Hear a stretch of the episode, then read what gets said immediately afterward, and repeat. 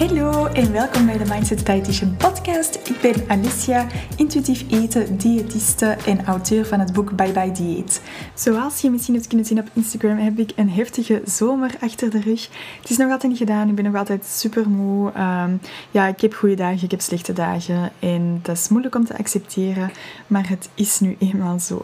Maar ik ben wel super blij dat ik vandaag mijn nieuwe podcastaflevering kom. Ik heb vandaag de meisjes, of de vrouwen moet ik misschien zeggen, van Bibi Fit Studio uitgenodigd en dat zijn Helen en Katrien. Helen is diëtiste, net zoals ik, maar ook nog veel meer. En Katrien is personal trainer, de allerbeste die ik ken.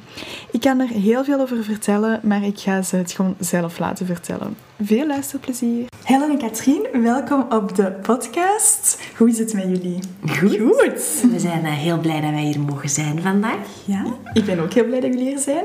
Jullie zijn met twee de oprichters van Bibi. Inderdaad. Vertel eens, waar staat Bibi voor? en nu knikken. Bibi is eigenlijk, komt eigenlijk van het Antwerps. Ja. Uh, wij moesten een naam zoeken voor onze sportstudio. We zijn een sportstudio speciaal voor vrouwen. En uh, dat was niet zo gemakkelijk om de naam te vinden. Het is een heel lange brainstorm sessie met heel veel A3-papier geworden. En dan heb ik gewoon het Antwerps woordenboek erbij genomen. En daar stond Bibi en daar stond gewoon achter ik.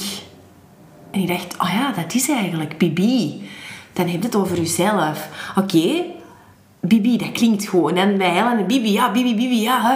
En dan zijn we dat gaan opzoeken, ook wat dat nog in andere talen en zo betekende. En dat is dan eigenlijk um, uh, lady, queen... Uh, vrouw. En dan, ja, ja, vrouw. En, en, dat was zo altijd maar meer een bevestiging van... Oké, okay, dat is waar we voor staan, dus we gaan voor Bibi. En chance wil dat het ook wel goed blijft plakken in mensen, ja. in hun oren en uh, hersenen. Dus dat vinden we superleuk. Zalig. Grappig, weet je wij noemen vaak onze hond ook Bibi. Ah, voilà. Dus elke keer dat ik zeg tegen Koen, ik ga naar Bibi, denkt hij, huh? die over onze hond? Zalig. Ja, die heeft dat nog altijd niet goed door. En dat, dat ik dan jullie bedoel. Jij vindt het ook wel grappig, soms zo op tv-programma's of op, op, in, zo op tv, dan zie je zo dat iemand zo zegt, ja, allee, Bibi zal dat doen. En, dan zegt mijn man ook zo, ah, iemand maakt onbewust reclame voor jullie. Ja, dat is. Oh, leuk. En vertel eens, hoe zijn jullie gestart met twee? Ja, dat is eigenlijk misschien hoe dat wij ja, elkaar een stukje hebben leren kennen. Dus wij uh, zaten allebei in een coworking. En um, wij hadden ook een gemeenschappelijke business coach. Uh, en ja, in die coworking zijn wij zo gaan samenzitten van, oh ja, ik denk dat wij toen over etiketten lezen een stukje hebben gehad, hoe dat ik dat uitleg aan mijn, aan mijn klanten toen ik nog een diëtistenpraktijk had. En dan wij zo wat informatie die uitwisselen met elkaar. En dan zo, oh zeg, wat zou jij eigenlijk willen bereiken met je zaak? Wat is zo uw droom? En ja, dat kwam uiteindelijk op hetzelfde neer, dat wij eigenlijk allebei een soort van centrum willen voor vrouwen, waar dat die kunnen sporten en met voeding kunnen bezig zijn. En dan wou we ook nog heel wild dromen met massages en zo, sauna's en waar wij van alles voor vrouwen doen. Ja. Um, ja, bleek dat wij dus dezelfde droom hadden. Heel grappig. Ja, vooral ook waar het de self-care heel centraal staat. Hè? Want we hebben uiteraard elk onze expertise. Ik ben personal trainer, uh, heel een diëtiste. En dat samenbrengen, want voeding en beweging en mindset en jezelf graag zien, dat hangt heel vaak samen. Mm-hmm. En toch doen we dat heel vaak um, apart. Een diëtiste gaat niet vaak ik weet dat er ondertussen al wel uitzonderingen zijn en dat is heel goed, daar geloof ik ook in. Ga niet vaak op je zelfvertrouwen werken. Terwijl dat van daaruit wel bijvoorbeeld heel vaak emo eten en dergelijke um, voortkomt. Een, een, sportcoach die gaat um, werken op voeding, als in die geeft u een voedingsschema, dat mag eigenlijk niet, dat is uit onze scope of practice. Maar um, er zijn heel veel personal trainers die voedingsschema's geven, maar die werken niet op uw relatie met voeding. En dat is eigenlijk waar heel hard ons, ons doel was. Om hoe kunnen we onze krachten bundelen tot iets dat mensen op dit moment in onze huidige maatschappij, waar alles snel en um, snelle resultaten en zo, hoe kunnen wij daar een soort van tegengewicht bieden? En um, het is misschien raar om dat zo te zeggen, maar niet geven wat mensen willen, maar wel wat ze nodig hebben. Mm Opdat ze dan beseffen dat dat eigenlijk was wat ze willen, maar dat ze dat... Heel vaak komen mensen die zeggen, ik wil afvallen. Um, wij gaan dan niet op de afval focussen, maar op heel veel andere dingen. En dan uiteindelijk zeggen ze wel, ah, dat was veel beter om het op deze manier te doen. En dat is eigenlijk een beetje waar vanuit die visie en missie is wel een beetje Bibi ontstaan, ja, denk ik. Ja, en dan zijn we eigenlijk gaan samenzitten en hebben we daarover gebabbeld. En dan... Uh, Heb jij ineens een huis gekocht? Ja, dan, dan kwam ik ineens een huis op, eh, op mijn pad met een, met een heel fijne ruimte onderaan. En dan heb ik naar Katrien een bericht gestuurd, die toen in Argentinië zat. Zeg, eh, ik heb een huis gekocht. En dan heeft Katrien er letterlijk op geantwoord, als in zullen we eens gaan samenzitten. En ik denk, ja, je waart een paar dagen terug uit Argentinië. Wij zijn direct gaan samenzitten. Ik weet dat nog, dat was 24 januari, want dat was twee dagen na mijn verjaardag. Het wel niet meer. 24 januari 9 2019? 20. 20. Ja. Ja, 20. En dan moest het heel 2020, ja. Dan moest het heel snel gaan, want dan lagen de plannen er. Dan, dan ehm, hebben wij het concept uitgewerkt, prijszetting gedaan, eh, Ja. al het materiaal besteld, de vloer, heel de volledige inrichting gedaan. En dan ehm, Ja, we hadden zelfs nog niets besteld. Dat heeft het proces ook heel moeilijk gemaakt, hè? weet je niet meer? we hebben allemaal wel besteld, maar het gewoon, dat heeft, hoe lang heeft dat geduurd Ja, om geleverd onze, te worden? alles wat besteld moest worden, moest via onze vennootschap lopen. En onze Ah ja, de vennootschap kon niet opgericht niet, worden, want alle notarissen werkten niet door corona. Wij Oh, konden zelfs nee. niet Ja, dus wij konden, geen, wij konden niet tekenen, waardoor wij geen rekening konden openen, waardoor wij niks konden bestellen. Dus we hebben echt zo drie weken voor opening zo nog de restjes van meubels die binnen de drie weken geleverd konden worden. Want ook alle winkels waren dicht. Wij zijn, Ja. eh, denk drie dagen voor wij open gingen, waren de winkels winkel open. En wij nog zo snel wat decoratiedingen kunnen gaan kopen voor onze zaak in te richten. Maar ja, corona was nog, niet, was nog geen sprake van toen wij het hele concept al bedacht hadden. Dus Nee. er lag al een branding en we hadden al alles bedacht en heel het concept was er. En we gingen denk ik in april open gaan. Ja, dat hebben we ook gedaan. Een maandje later. Ja. Ja. Maar ehm, Al spannend. Maar bon, zo hebben we elkaar dus leren dat is de start van Wiwi. Ja. Start van een heel mooie start. ja.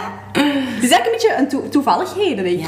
ja, dat ons wel wat heeft samengebracht. En toch wel een gemeenschappelijk doel, een missie om vrouwen te helpen naar ja, die betere relatie met voeding en beweging en zichzelf. Ja, mooi mooi. En wat deden jullie daarvoor, Eders? Ehm, ja, ik ben de personal, was ook personal trainer. En ik had mijn eigen zaak. Ehm, ja, ik ben eigenlijk... eh, Als we dan echt naar mijn roots terugkeren, ik ben eigenlijk orthopedagoog van opleiding. Dus ik heb toegepaste jeugdcriminologie gedaan en daarna nog een, een master. En ehm, ik heb altijd met personen die ehm, een, een drugafhankelijkheid hebben ge- gewerkt. Maar dat was, heel een vicieuze cirkel. Dat was altijd zo... Ik, heel, ik stak daar heel veel energie in. En die hadden dan even weer goesting om, om verder te gaan zonder ehm, eh, drugs. Maar het herval is daar echt niet, niet normaal, die vicieuze cirkel. En ik voelde zo, na, zelfs na een paar maanden al, van oké, als ik dit nu tegen nog heel mijn leven ga moeten doen, dat is wel heel vermoeiend. Dus ehm, ik werk heel graag met mensen. Ik deed ook heel veel eh, al aan sport.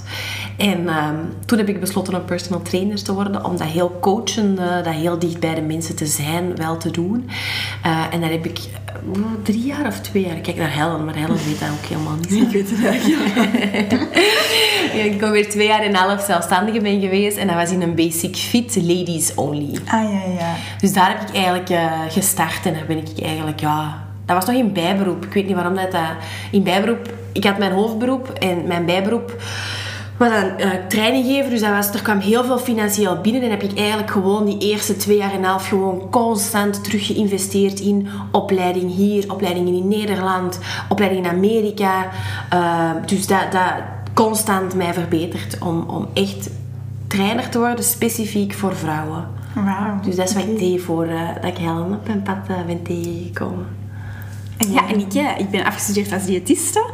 En ik moet zeggen, na mijn opleiding had ik zo een beetje een degoe van, van voedings- en dieetkunde. Omdat ja, ik vond dat zo'n... Ik weet niet of dat bij jou was, die richting, Alicia. Maar Waar bij mij was dat in, eh, in Antwerpen. Ah, ik ook. Ah, ja. In welk jaar was dat dan bij je? 2014 ben ik afgestudeerd. Ah, wow. Dan ben je wel ouder als ik. Wanneer ben jij afgestudeerd? In 2017. Dus Ah, ik ben eigenlijk begonnen... Nee, ik ben in 2013 begonnen. Ah ja, Dus dan hebben we nog één jaar overlapt. Oh, ja. grappig. Ja, dus ik ben in 2014 afgestudeerd en bij mij was dat echt zo nog... Ik denk dat er niet heel veel veranderd zal zijn. Ehm, ik denk dat ze nu ook al wel wat meer mee, mee zijn, maar dat was toen zo nog heel ehm, gericht op eh, klinisch. En dat is ook logisch, want in het begin was diëtiste ook een heel klinische job, hè, voor mensen met diabetes en Voor nierproblemen. mensen, ja, ik je zeggen, voor mensen die niet mee zijn, Ja. wat betekent klinisch? klinisch. Ja. Dus heel veel die, in het begin was eigenlijk diëtiste een functie dat werd uitgeoefend in een ziekenhuis. Een diëtiste ging eigenlijk gewoon in het ziekenhuis werken en dat was zo een beetje... Maar dan zijn er heel veel... Diëtiste is ook nog niet zo'n oud beroep. Toen ik afstudeerde was dat 10 jaar oud, dus ondertussen al 18 jaar oud. Ehm, en toen hebben ze heel veel diëtistes gaan aannemen in ziekenhuizen, maar er waren er eigenlijk niet meer zoveel nodig. Maar die richting is wel heel populair geworden, voedings- en dieetkunde. Dus dat was nog heel klinisch gericht, maar eigenlijk was daar niet heel veel werk in. En ik ben toen ook in een ziekenhuis gaan werken en ik vond dat echt niet leuk. Zieke mensen is niet zo mijn doelgroep. Mhm. Ik vond dat een hele moeilijke doelgroep, omdat ik had het daar heel moeilijk mee in een ziekenhuisomgeving. Ik kwam daar eigenlijk niet zo graag. Ook in een woonzorgcentrum te werken vond ik ook niet leuk. En dan ook nog eens bij een zelfstandige diëtist en dat vond ik eigenlijk ook niet leuk. dus na drie jaar studeren dacht ik, oh oh, ik vind eigenlijk niks leuk waarvoor dat ik gestudeerd heb op dat moment. Maar ik was eigenlijk gewoon nog kei jong en ik wist helemaal niet welke richting dat ik uit wou gaan. Ik was altijd al wel zo van, ah, die dieetregels, zodat wij het hier leren en zo met calorieën tellen, is niet hoe dat ik het zie, omdat ik dat zelf als persoon nooit heb gedaan. Bij mij is eten heel natuurlijk altijd geweest. Ik kom uit een gezin waar eten nooit... Mijn mama is nooit op dieet geweest, daar werd nooit op gelet. We, hadden eigenlijk allemaal, we hebben allemaal een heel goede relatie met eten. Dus ik vond dat heel moeilijk om ineens in calorieën te moeten gaan denken op, voor andere mensen. Dus dat was zo helemaal niet mijn ding. En dan ben ik iets totaal anders gaan doen. Ik ben gaan werken in de voedingsindustrie, waar diëtisten tegenwoordig ook wel vaker in gaan werken, dus rond voedselveiligheid. En dan ben ik als consultant in superveel voedingsbedrijven gaan werken. En ik vond dat toen wel leuk, omdat er was heel veel afwisseling. En ik heb toen heel veel geleerd, heel veel mensen leren kennen. Heel goed geleerd hoe ik met veel mensen om moet gaan. Want ik kom verschillende persoonlijkheden tegen. Um, maar na een tijd begon me dat ook tegen te steken. En ik begon die passie voor voeding ook wel heel hard te missen. En zo, ah, eigenlijk was dat ook wel iets wat ik heel graag deed. Mensen daarin helpen. En ik kreeg ook wel van heel veel mensen vragen. Ah, je bent diëtiste. Ik wil afvallen. Hoe moet ik dat dan doen? Zo, ik denk dat heel veel diëtisten ook zo beginnen. Of daar dan zo mee bezig zijn. En zo hun eerste klanten ook opbouwen. Hè. Ja, ja. En dan uh, ben ik... Um, ja, in bijberoep begonnen. En eigenlijk gewoon omdat mijn man in een horeca werkte en s'avonds nooit thuis was en ik verveelde mij. en dan ben ik dat zo in bijberoep beginnen doen. En dan ja, ook zo heel veel rond marketing beginnen opzoeken en hoe dat je op andere manieren mensen kunt helpen. En dan is zo mijn interesse in ondernemen ook heel hard opgewekt. En dan ben ik van bijberoep naar hoofdberoep gegaan. En dan was ik een jaar hoofdberoep en dan kwam ik Katrien tegen. En dan, dan is Bibi ontstaan eigenlijk. Zalig. Oh, absoluut. Ik vind het wel belangrijk dat jij je passie voor voeding ook nog ergens anders hebt teruggevonden, hè? Met je opleiding. Koken? Ja. Ja, klopt. Ik heb inderdaad um, opleiding tot kok gedaan. Die is niet helemaal afgerond door ook corona, omdat die opleiding is stilgelegd en ik heb dat toen niet meer herpakt. Maar ik ben wel hulpkok en ja, mijn passie voor voeding is er eigenlijk altijd geweest. Koken heb ik van kind af aan altijd gedaan. Dat was zo, mijn mama zei, oh nee, die wil weer koekjes bakken, de keuken weer allemaal overal. Shit. zo is dat begonnen en dan ben ik sociaal-technische wetenschappen gaan studeren, waar je kooklessen in hebt. En uh, ja, ik vond dat kei leuk koken. Sindsdien zijn ben ik met mijn zus opleidingen gaan doen eerst. En dan ging ik zo na school nog naar de kookles met mijn zus. En dan ging om een duur met een vriend mee. Dat is echt super tof. En ja, dan ben ik echt een koksopleiding nog gaan volgen op de PIVA. Ja, inderdaad, dat is ook echt... Koken is sowieso heel erg mijn passie. Dus ik zet heel graag het, het advies waar, waarin mensen... Heel, vroeger die het heel vaak gingen zeggen, je moet zoveel aardappelen eten en zoveel pasta en zoveel groentjes. Zet ik dat heel graag gewoon om in recepten. Dat mensen Ja. daar zelf niet over moeten nadenken, maar dat ik gewoon heel makkelijke recepten voor andere mensen kan bedenken. Dat is voor mij echt uw talent. Jij bent super praktisch en jij kunt je talent als diëtiste combineren met je talent als, als kok, met je talent als, als voedselveiligheidsconsulente. en dat maakt dat jij zo goed bent in het mensen aanleren. ehm, wat is lekker? Wat kun je dan gebruiken dat dan voedzame, maar toch lekkere maaltijd, plus dat dat snel klaar is. Plus, hoe lang kun je dat in je frigo bewaren? Hoe lang kun je dat in je diepvries steken? Dat vind ik echt uit dat jij daar zo goed in bent. Dat is echt waar onze klanten nog heel veel ehm, ook van u leren daar. Hè? Ja, dat is ook hetgeen wat ik het liefste doe. Dus Voilà. Ik denk dat elke diëtiste wel zijn specialisatie heeft. En voor mij is dat heel erg het praktische nadenken voor mensen. Omdat heel veel mensen dat juist heel moeilijk vinden. Dus ja, voilà. Cool. Bibi, wat is er zo speciaal aan Bibi? Als je het vergelijkt met andere fitnesscentra. Oké, waar moeten we beginnen? Eh, heel veel is anders. Ja, ik denk, ik denk wat een hele belangrijke is dat wij gewichtsneutraal Ja. werken. Dus Wat betekent dat? Ja, wij willen echt een heel veilige haven zijn. En wat wij merken is, als we mensen op een weegschaal zetten, dan komt er sowieso al een soort van stressfactor. Want ik moet straks naar de diëtiste of de personal trainer of de fitness en ik word op de weegschaal gezet. Dus dat is sowieso gebeurt bij ons niet. We hebben geen weegschaal, we hebben ook geen spiegels. En dat heeft er gewichtsneutraal wil zeggen, wij, wij gaan u niet wegen en wij gaan ons ook niet focussen op uw gewicht. Maar dat wil niet zeggen dat wij geen vooruitgang gaan meten. Wij gaan dan heel veel andere, op basis van vragenlijsten, van andere opvolgingen, van uh, krachtmetingen of zo, gaan wij wel kijken, oké, je maakt vooruitgang, maar dat hangt niet aan je gewicht vast. En dat is wel een heel belangrijke, omdat je dan ook je motivatie ergens anders gaat zoeken. Um, als je je motivatie legt in, ik wil 10 kilo afvallen, en dat lukt niet, of je zei alles goed aan het doen en je zei, ik, ik ga even in, in ehm, heel strikte dingen. Eh, dat is niet onze stijl, maar ik zeg maar iets. Hè. Stel, je zei elke dag uh, voldoende water aan het drinken, je zei voldoende groenten aan het eten, elk fruit. Um, je, zei, je, je hebt wat minder aan het snoepen als voordien. En je zit alles goed aan het doen. En dat gewicht doet niet wat je had gehoopt dat het zou doen. Dan, dan heb je het gevoel dat je slecht bezig bent. Terwijl als jij je had gefocust op ik ben wel eigenlijk alles aan het doen wat goed is voor mijn gezondheid. Ik voel mij meer energie, ik ben beter aan het slapen. Dan zit jij goed bezig. Los van het feit of dat, dat gewicht volgt of niet. En dat eerste stuk is zoveel belangrijker dan je volgt dat gewicht op de weegschaal ook. En dat is waarom dat wij kiezen om niet met vetpercentage, metingen, met wegen. Dat is niet waar onze focus op ligt. Focus is, ga jij vooruit of niet? En zet jij vandaag beter voor je lichaam aan het zorgen dan dat je dat gisteren aan het doen waart. Mm -hmm. Zet er aan het doen, top. Dan maakt het toch helemaal niet uit wat dat gewicht aan het doen is. Ja, omdat ook wel heel veel mensen nog altijd hun gewicht gaan relateren aan of ze goed, ik ben zo met aanhalingstekens ja, ja. mijn vingers aan het doen. Dat zien de mensen ja, niet, onze aanhalingstekens. Dus ik zeg het even dat ik dat doe. Maar mensen gaan daar relateren aan, ik ben goed of niet goed bezig, want mijn gewicht is goed of niet. Terwijl wij gaan op een heel andere manier bepalen, en ook niet, niet goed of goed, want wij willen niet in die termen spreken, maar we willen op een andere manier mensen leren van, zie, ik doe wel al veel dingen goed. En dat hangt helemaal niet af van dat gewicht, maar dat hangt af aan dagdagelijkse keuzes die je maakt. En als je eens één en dag geen fruit eet, gaat dat helemaal niet bepalen of je gezond of ongezond bent. Het is gewoon, wat gebeurt er, die een balans vinden. En dat staat helemaal los van gewicht voor ons. En dat is iets waar heel weinig mensen die denken van ik, ik, ik weeg te veel of ik, ik ben verdikt, dus ik ben ongezond. Terwijl je gezondheid wordt bepaald door je leefstijlfactoren, door hoeveel dat je beweegt, door welke voeding dat je eet. En voor ons staat dat helemaal los van gewicht. Ja, en ook door veel factoren dat we niet kunnen beïnvloeden, hè? zoals heel de genetische ja, factoren. Ja, genen, daar kunnen we weinig aan doen. Ja, ja. natuurlijk. Mhm. Ja, en ik denk het tweede stuk en het gevolg daarvan is dat wij de motivatie dus niet bij de weegschaal leggen, maar bij heel veel andere factoren, dat je beter in je hand hebt dan je gewicht. Dat heb je ook niet in je hand, je nee. gewoontes wel. Um, Waardoor dat wij proberen, ik denk de gemiddelde fitness, en ik hoop dat ik nu niet duizenden fitnessen op mijn kap krijg, maar wordt rijk van niet gebruikte abonnementen. Mm. Dode abonnementen. Mensen die dat zich inschrijven, dat intekenen voor een jaar, voor x aantal maanden en dan niet komen opdagen. Dat is eigenlijk ik mag geen merknamen noemen, hè, maar de, de bekendste en goedkoopste fitness van België, die wordt zo rijk. Er zijn zoveel mensen... Dat is het verdienmodel daar ook achter. Er zijn zoveel mensen die um, daar abonnementen hebben lopen en denken, ah, maar ja, ik kan dat niet afzeggen. Nee, nee, nee, want volgende maand ga ik echt beginnen met sporten. Um, ons doel is dat wij nul dode abonnementen hebben.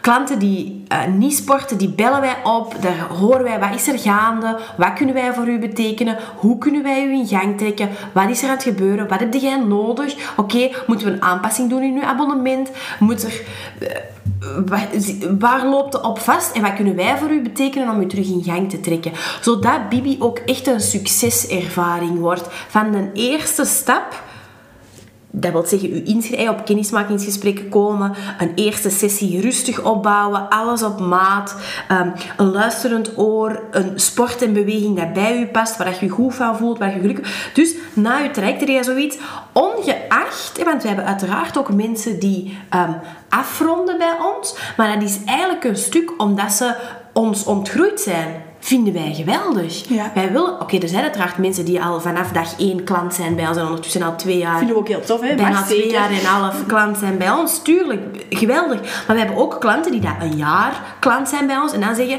Amai, ik heb nu bijvoorbeeld een fitness dichterbij. Ik heb genoeg zelfvertrouwen. Ik heb alle tools. Ik heb mijn lichaam beter leren kennen. Ik ben pijnvrij. Ik heb ook geen pijn meer. Dus ik ga nu verder in mijn fitness. En ik kom dan misschien nog één keer per maand een nieuw trainingsschema halen. Of ik weet dat jullie deur altijd open staat. Dus misschien over een half jaar kom ik nog eens terug. Want dat gebeurt ook. En dat is wat, wat Bibi denk ik ook heel anders maakt. Ehm, dat mensen wij proberen mensen ook echt gemotiveerd te houden. En ehm, door ook het op zo'n manier aan te pakken dat het leuk is. Ja, we proberen, ik denk ook die individuele benadering. We gaan altijd wel een stukje maatwerk doen. Dus mensen starten bij ons altijd één op één. Ja. Ehm, en ik denk dat het ook heel belangrijk is dat mensen zichzelf op plek van beweging en voeding gewoon ook heel goed leren kennen. Heel veel mensen gaan van, ik wil iets veranderen, in, ik onderneem actie. En ik voel me niet goed in mijn vel, dus ik ga drie keer per week sporten en alleen nog maar groenten en fruit en geen frieten meer eten. Maar dan zijn we eigenlijk eens niet gaan kijken naar wie ben jij en hoe ziet je leven eruit. En kunnen we niet beter kleine aanpassingen maken op het huidige leven dan dat we heel je leven moeten omgooien. En dat denk ik, dat gaan wij ook altijd doen. Heel individueel bekijken en de persoon op zich gaan bekijken en niet ehm, hoe kunnen we zo snel mogelijk resultaat gaan boeken. Hoe dat de meeste mensen wel in het begin denken. Maar misschien nog interessant, Alicia, want jij sport ook bij ons. Ja. Wat is bij u Wat maakt voor u dat Bibi anders voelt dan andere dingen dat je misschien al geprobeerd hebt? Of een doorsnee fitness waar je misschien al wel eens hebt binnengewandeld? Ja, goede vraag. Want ik wou het er net ook al aanvullen op dat je zegt van wij willen geen dode abonnementen. Ik denk dat je dat echt ook heel letterlijk mag nemen. Want soms lukt het mij niet om een week niet te, allee, te komen. Lukt het mij niet om een week te komen, ja. En zelfs dan, meestal zit ik bij Anke, gaat hij me echt vragen, hoe komt het dat je vorige week niet geweest bent? En ik vind dat zalig. Want ik had echt verwacht dat dat, ik had dat niet verwacht dat dat zo ging zijn. eh, dat ze daar zelfs op ging letten. En voor mij is dat echt geweldig, omdat zij dan echt met mij is gaan kijken. Oké, Alicia, laten we anders een vaste moment per week sowieso al inplannen. En dat wordt echt uw moment. En alles, daar, je gaat dan daar rond plannen. En dat hebben wij dan effectief gedaan. En dat is nu maandag. Omdat ik maandag sowieso geen consultaties heb. Want ik ben gewoon iemand, ik ben niet goed in plannen. Dus ik ga meestal zo de dag zelf... Oh, zou er nog een plekje vrij zijn bij Bibi? Want ik heb zin om te sporten. Maar dat werkt zo niet. Want uiteraard gaan jullie dan niet altijd nog een plek vrij hebben. Dus dat vind ik echt... Ja, ik vind dat geweldig. Dus dat is sowieso al één ding. De Super gevoel slim van. Anke dat hij met u dat gewoon heeft vastgepakt omdat hij merkte. Maar dat is waar we En voor dat was maar één staan. keer gebeurd, hè? Dat is waar wij voor staan, om inderdaad... ehm, als, als ik een, een afstraffende, of als ons team, als een soort van afstraffende personal trainer, dan zou jij bijna zelfs niet meer durven komen, omdat je een week niet gekomen bent. Mhm. Maar dan de trainer gaat vragen, zeg, hoe komt dat je niet geweest bent? Terwijl dat wij net die veilige haven proberen te zijn van, hé, hey, dat is niet erg een week niet gekomen bent, maar... Hoe komt dat? Maar echt een, hoe komt dat? Ja. En niet, dat mag niet, hè? Nee, voilà. Nee, nee, Wij, nee. wij gaan niet met de vinger wijzen, maar wij gaan net samen met de klanten op zoek gaan naar... Oké, dat is helemaal niet erg, dat gebeurt dus. Hè. Dat is normaal. Life happens, shit happens. Maar hoe kunnen we er nu samen voor zorgen dat dat volgende keer niet meer gebeurt? Of dat er minder kans is dat dat gebeurt. Hè. Ja, ja, klopt. Mooi voorbeeld. Ja, vond ik, ja, vond ik zalig. Ehm, ze is ook echt gaan vragen van... Ja, en heb je het daar altijd moeilijk mee met zelfzorg in te plannen? Want Bibi is voor mij echt zelfzorg. Ik vind dat zalig. Zelfs de weg er naartoe en de weg terug met de fiets. Ah, ik, vind dat, ja, ik vind dat geweldig. Oké. En eh, dat, dat is effectief zo. Ik vind dat moeilijk. Ik ga altijd mijn cliënten voor laten gaan. Al zijn dat ook echt vaste blokken, dus daar ben ik dan wel streng in. Maar ja, als die vol zitten, dan heb ik pech, hè. Want dan is er geen tijd meer voor mij over. Dus nu met dat vaste moment is het echt heel goed. En daarnaast, ja, ik ben nog nooit naar een fitness geweest. Ik, vind dat, ik vond dat veel te, ehm, ja, te eng om naartoe te gaan. Ik kan niet op het woord komen. Van, Intimiderend. Intimiderend, Ja. voilà. Ehm, ik zie een fitness voor mij is echt zo dat testosterongehalte. eh, al die mannen die dan in uw omgeving mee aan het sporten zijn. Ehm, ik zal mij ook heel bekeken voelen, denk ik. Omdat ik niet het fitnesslichaam heb.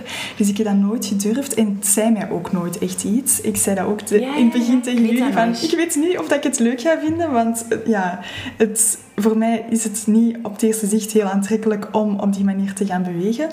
Ehm, maar ik heb dat toch gedaan omdat ik heel nieuwsgierig was naar wat ik ervan ging vinden. En nu? En bij jullie, echt van minuut één, was dat zo persoonlijk. Ook voor mij is het ook aantrekkelijk dat het alleen maar vrouwen zijn. Want Ja. ergens vind ik mannen gewoon intimiderend op het vlak van beweging. Ehm, dus ja, alleen maar vrouwen. Wil ik ze ook nog een vraag over stellen. en vooral die eerste maand die zo persoonlijk was, één op één, zowel bij Helen als bij jou, Katrien. Ehm, ja, ik vond dat geweldig. Ik wist niet dat je zoveel, dat ik zoveel van mijn lichaam ging leren kennen op die eerste sessie. Ja. En ga ze ook nog vragen hoe zit het traject ineen en dan kan je daar meer over vertellen. Maar ik kom elke week echt super graag naar Bibi, omdat dat, ja, het is echt zelfzorg en je wordt ook nooit gepusht. Je wordt gemotiveerd, maar je moet nooit tot het uiterste gaan. Het is eerder van luister naar je lichaam en stop wanneer dat jij voelt dat het te veel is. Ik heb ook altijd al last gehad van mijn knieën en daar wordt zoveel rekening mee gehouden. En dat is, ja, dat is, echt, dat is echt geweldig. Ik voel mij super gehoord bij jullie. Dus Oh, ik dat is leuk. Ik kan Je zit zo wat te lachen. Ga maar voort, Alicia. Ga maar voort. Vertel maar. maar dat is wel grappig, want ik, ik, uw verhaal, ik herken dat in het verhaal van heel veel klanten die ook zeggen, Bibi is mijn zelfzorg. En letterlijk hè, in een auto stappen of op de fiets stappen, een leuk muziekje opzetten en ik voel al van, oh, ik mag naar Bibi en ook al genieten van dat moment van naartoe gaan, Ja. dat, is, dat is heerlijk, want dat is feedback dat we regelen. Want we hebben klanten die niet iedereen woont achter de hoek bij ons. Hè. Omdat het zo'n uniek concept is, hebben wij echt wel mensen die daar soms... komen. ja, drie kwartier tot een uur in een auto zitten zelfs. Hè. Ehm, en dan moet je dat moment ook pakken. Dan moet je echt van die... Je kunt dan gefrustreerd zijn en zeggen... Oh, ik, moet, in- ik moet in een auto zitten. En of je kunt daar inderdaad ook je me-time van maken. En dat is Ja. heel mooi dat jij er ook naar kijkt. En dat heel veel van onze klanten dat ook op die manier eh, opvatten en, en beleven. Dat is heel leuk om te horen. Ja, voilà. En dus Bibi is alleen voor vrouwen. Hoe komt dat? Hoe, hoe hebben jullie dat bepaald? Wat jij hier net verteld hebt, dat is eigenlijk de belangrijkste Ja. reden voor ons. Ik heb, ik heb eigenlijk exact hetzelfde verhaal als Alicia. Ik voel me ook altijd super... Ik heb zo wel eens zo een abonnementje gehad bij de fitness. En ik ging er dan zo eens één keer naartoe en dan heb ik een jaar betaald voor niks. Dit het. ook meegemaakt. En eh, ja, ik voelde me ook altijd super geïntimideerd. En ik kwam dan zo in de fitness en dan dacht ik zo... Zou ik de loopband en de fiets wel pakken? Want ik heb geen idee wat ik hier met al die gewichten moet doen. Je hebt daar geen kennis over als je nooit in contact bent geweest met een personal trainer. En ik had bij personal trainers altijd zo inderdaad een afmattend. En je moet nog tien keer push-ups doen. En dat zo... Oeh, ik ben helemaal niet zo... Mij moet je zo wat liefdevoller behandelen. Ja, ja, ja. Dus dat is zo echt exact ook de reden waarom. En ook de reden waarom dat we het stukje wel enkel voor vrouwen. En wij zeggen niet dat mannen niet welkom zijn, want zij willen absoluut niet mensen uitsluiten. Maar wij geloven gewoon ook heel hard dat je nu eenmaal een specialisatie hebt in iets. En dat wij gewoon beter zijn in het trainen van vrouwen dan in het trainen van mannen en vrouwen. Want dan, als wij ook mannen moeten trainen, hebben wij en meer gewichten nodig. En ja, gaan wij Andere aanpak. trainers nodig hebben. En ja, wij werken nu Ik denk, eenmaal ik niet denk zo. dat een man zich ook gewoon niet helemaal op... Allee, ik mag niet voor alle mannen praten, hè, maar wij geven eigenlijk altijd hetzelfde voorbeeld als we die vraag krijgen. Ehm, waarom geen mannen? Dan zeggen wij eigenlijk altijd, als je als, als man een probleem hebt aan je, ik zeg maar iets, aan je geslachtsorgaan, dan ga je ook niet naar de gynaecoloog. Ja, ja, ja. Want de gynaecoloog is daar niet in gespecialiseerd. Dan ga jij ergens anders veel beter geholpen zijn. En dat is ook wat wij geloven. Zou een man bij ons kunnen supporten? Mm, Ja, maar dat gaat niet op zijn niveau zijn. Dat gaat niet uitdagend genoeg zijn voor hem. Ehm, die gaat daar niet gelukkig van naar huis gaan. Dan kun je beter eh, vijf deuren naar links bij ons, waar dat wel een gemengde ehm, fitness is, gaat daar, die gaat daar veel beter geholpen zijn. Ja. Ehm, en ja, een van de kernwaarden van Bibi is laagdrempelig zijn. Ehm, een huiselijke sfeer, gezelligheid. Ehm en die laagdrempeligheid, dat merken we wel dat dat gecreëerd wordt een stuk door, die, door dat ladies only eh, Ja, want aspect. heel veel klanten die bij ons komen zeggen ook wel, ik ben blij dat het eigenlijk wel enkel voor vrouwen is. En wij zijn geen anti-mannen. Ik heb zelf ook een man, dus ik vind mannen ook heel tof. Maar er is gewoon een, ik denk gewoon zo'n omgeving moet veilig zijn voor een vrouw. En dat is ook onze missie, dat die misschien daarna wel naar een gemengde fitness om die zoiets hebben. Ik voel mezelf zeker. En ik denk bij vrouwen mist die zelfzekerheid soms, waardoor ja, dat we die dat even moeten geven. En Ja, en een, nu, een heel stom voorbeeld, maar er worden ook over andere dingen gepraat bij ons. Ja. Ik heb van de morgen een training gegeven aan de dames. En eh, een van onze eh, klanten maakt zelf ehm, eh, BH's, night, night BH's. Zalig. Ja, ja dus, eh, dus je kunt daar een BH op maat, dan moet je bij Hanne van der Steen zijn. Hashtag reclame. Hashtag check it out.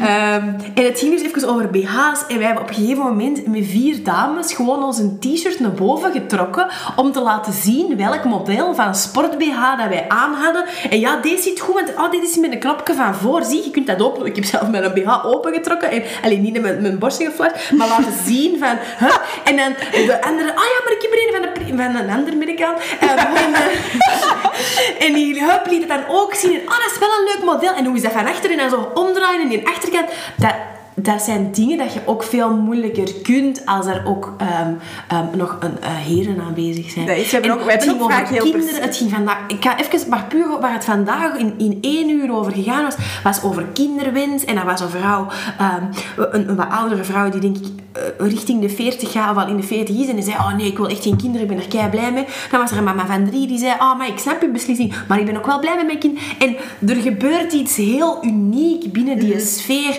en dat veilig klimaat, waar dat ook iedereen ehm, zijn mening kan hebben en zijn visie op dingen. En dat is, dat is zelfs doorheen heel corona zo gebleken, dat iedereen andere eh, visies had op wat er aan het gebeuren was. En dat was perfect oké, want daar stonden, ontstonden mooie gesprekken. Dat was niet jij wel, ik niet. En, maar echt een, een, een community dat er ook ontstaat. En dat is, ja, zit denk ik wel een stuk in de kracht van het alleen Ja. ehm, vrouwen. Vrouwen gaan eigenlijk alles durven vertellen bij ons over elk probleem. Die gaan nooit een blad voor de mond nemen als er iets is, omdat ze denk ik ook weten dat iedereen die binnenkomt hetzelfde probleem kan ervaren.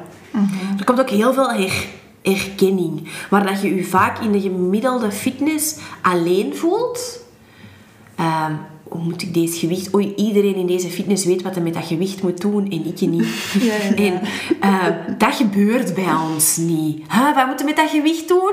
En dan zie je... Oh, ik wist dat ook niet, hoe jij dat vraagt. Eh, dat is wat er op Bibi gebeurt. En wij, als- coach kunnen wij ook heel goed inschatten wat een klant over het algemeen wel of niet weet of, of dingen. Dus ik denk dat we daar ook al gewoon een ander klimaat Net zoals dat er al wel eens iemand uit de badkamer komt. Eet er iemand tampons bij? Voilà. dat zult je in een standaard fitness ook niet uit de Nee, kleedkamer. dan moet je zo uit de kleedkamer en dan je tampons wat in je mouw schuiven. Ja, ja. En dan zo heel voorzichtig naar het toilet wandelen. Pff, dat wordt bij ons allemaal niet gedaan. Maar jullie hebben volgens mij zelfs een mandje met tampons Ja, en absoluut. En. Haarrekkertjes. Deo. Ja, deo, dat voorzien wij. Ja, dat is ook ehm, een deel van, van, van het klimaat dat we willen creëren. Iedereen kan op een gegeven moment zijn regels krijgen. En dat is nooit leuk om in die groep te gooien. Prima een Een tampon bij. Dus dat staat daar gewoon. Maar het mag ook gevraagd worden. Ja. Ja, ja. Katrien, ik hoorde jou daarnet zeggen van ik heb me echt gespecialiseerd in personal training voor vrouwen. Dus dat gaat. Je kunt echt zeggen, ik Ja. ga mij Ja. specialiseren in vrouwen. Ja. Wat zijn zo de verschillen? Of Ha. wat is er dan anders? Ha, een heel... ehm, ik heb mijn eerste opleiding in België gevo- gevolgd. eh, ehm, ehm, om Europe een, eigenlijk een soort van Europees erkende titel te krijgen. Dat vond ik heel belangrijk. Ehm, en dan heb ik eigenlijk mij een stuk bijgeschoold in Amerika. En daar heb je een opleiding en die noemt Girls Gone Strong. Dat is ook een vrouwelijke personal trainer, Molly. En zij heeft eigenlijk een soort van opleiding gestart. Maar het interessante is dat zij dat ook aan mannen richt. Het, het gaat over heel kleine dingen. Hè. Ehm, als man of zelfs als vrouw is het heel belangrijk om, als er een, een vrouw traint, hoe positioneert je u dan ten opzichte van die vrouw? Oké. Dat gaat dan nog niet specifiek over hormonaal en, en, en voorverplanting en onze cyclus en dergelijke. Daar gaat het dan nog niet over. Maar al puur over als je bijvoorbeeld een, een hip thrust doet en is op je rug gaan liggen, voeten en knieën geplooid en je duwt je bekken omhoog. Ehm, als je benen dan lichtjes open staan en er gaat dan een man net tussen je benen zitten of voor je benen en je moet dan je bekken omhoog duwen, dan krijgt dat direct iets heel seksueel en onaangenaam. En ehm, als iemand een squat doet en je gaat er als man achter staan en jij weet niet ehm, wat een vrouw heeft meegemaakt, wat, ehm, over, dat kan seksueel zijn, dat kan trauma zijn, dat kan gewoon wat een persoon aangenaam of onaangenaam vindt. Maar dat zijn wel dingen waar je rekening mee moet en kunt houden. Ik heb ooit op een opleiding gestaan met uiteraard allemaal mannen. En ehm, het ging over het losmaken van een spier. En op een gegeven moment moest ik met mijn handen eh, tegen de muur gaan staan. En met zo in, in twee plooien. En er stonden op een gegeven moment drie mannen achter mij. Die op mijn rug een spier aan het losmaken waren. Dat voelde zo als een gevaarlijke situatie was dat niet, maar dat voelde zo, ik voelde mij zo geïntimideerd. Ik voelde, dat was zo raar, want die stonden allemaal met hun geslachtsorgaan zo op de hoogte van, van, van mijn billen. En ik had, die stonden dan ook zo wat voorover gebogen. En ik stond ook voorover gebogen. En dat voelde zo onveilig. En ik heb me op een gegeven moment ook omgedraaid en gezegd... Kijk mannen, jullie zijn mannen. Voor jullie is dit anders. Maar ik wil even zeggen, moest ik nu een cliënt zijn... Ik zou mij niet veilig voelen. En die verschoten zo hard. Terwijl ik denk, voor mij is dat basiskennis. Dat je niet zo achter een vrouw gaat. Zelfs ik als vrouw ga zo niet achter mijn klanten staan. Ehm, ik vraag toestemming. Hey, is het oké als ik mijn hand hier leg?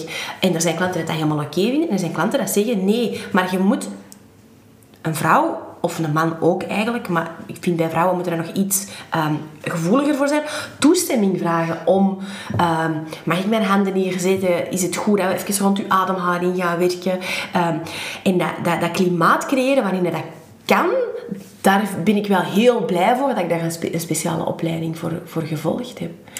Ja. en ja, er zijn uiteraard er zijn heel veel fysieke aspecten waar dat je rekening mee kunt houden. Mm de basis is hetzelfde, hè? onze anatomie. waar dat er bij u een biceps zit, allee, er zit bij mij een biceps en er is bij mijn man een biceps. Daar is geen verschil. Uh, maar hormonaal rond menstruatiecyclus, in welke periode zijn ze sterker, in welke periode kun je beter andere vormen van beweging... beter kun je andere vormen van beweging ook doen. Dat is heel interessant om, om, uh, ja. mee bezig Ja, wij zien dat ook gewoon echt als een niche vrouwen. Net zoals dat je diëtisten zult hebben die focussen op intuïtief eten. Net zoals dat je diëtisten die eerder eetschema's gaan geven. Wij geloven ook niet in het een is beter dan het ander. Je hebt gewoon voor alles een bepaalde markt van mensen die dat daar binnen passen. En dat is gewoon de reden dat wij daarvoor op die manier gekozen hebben. Ja, super mooi. Echt heel mooi.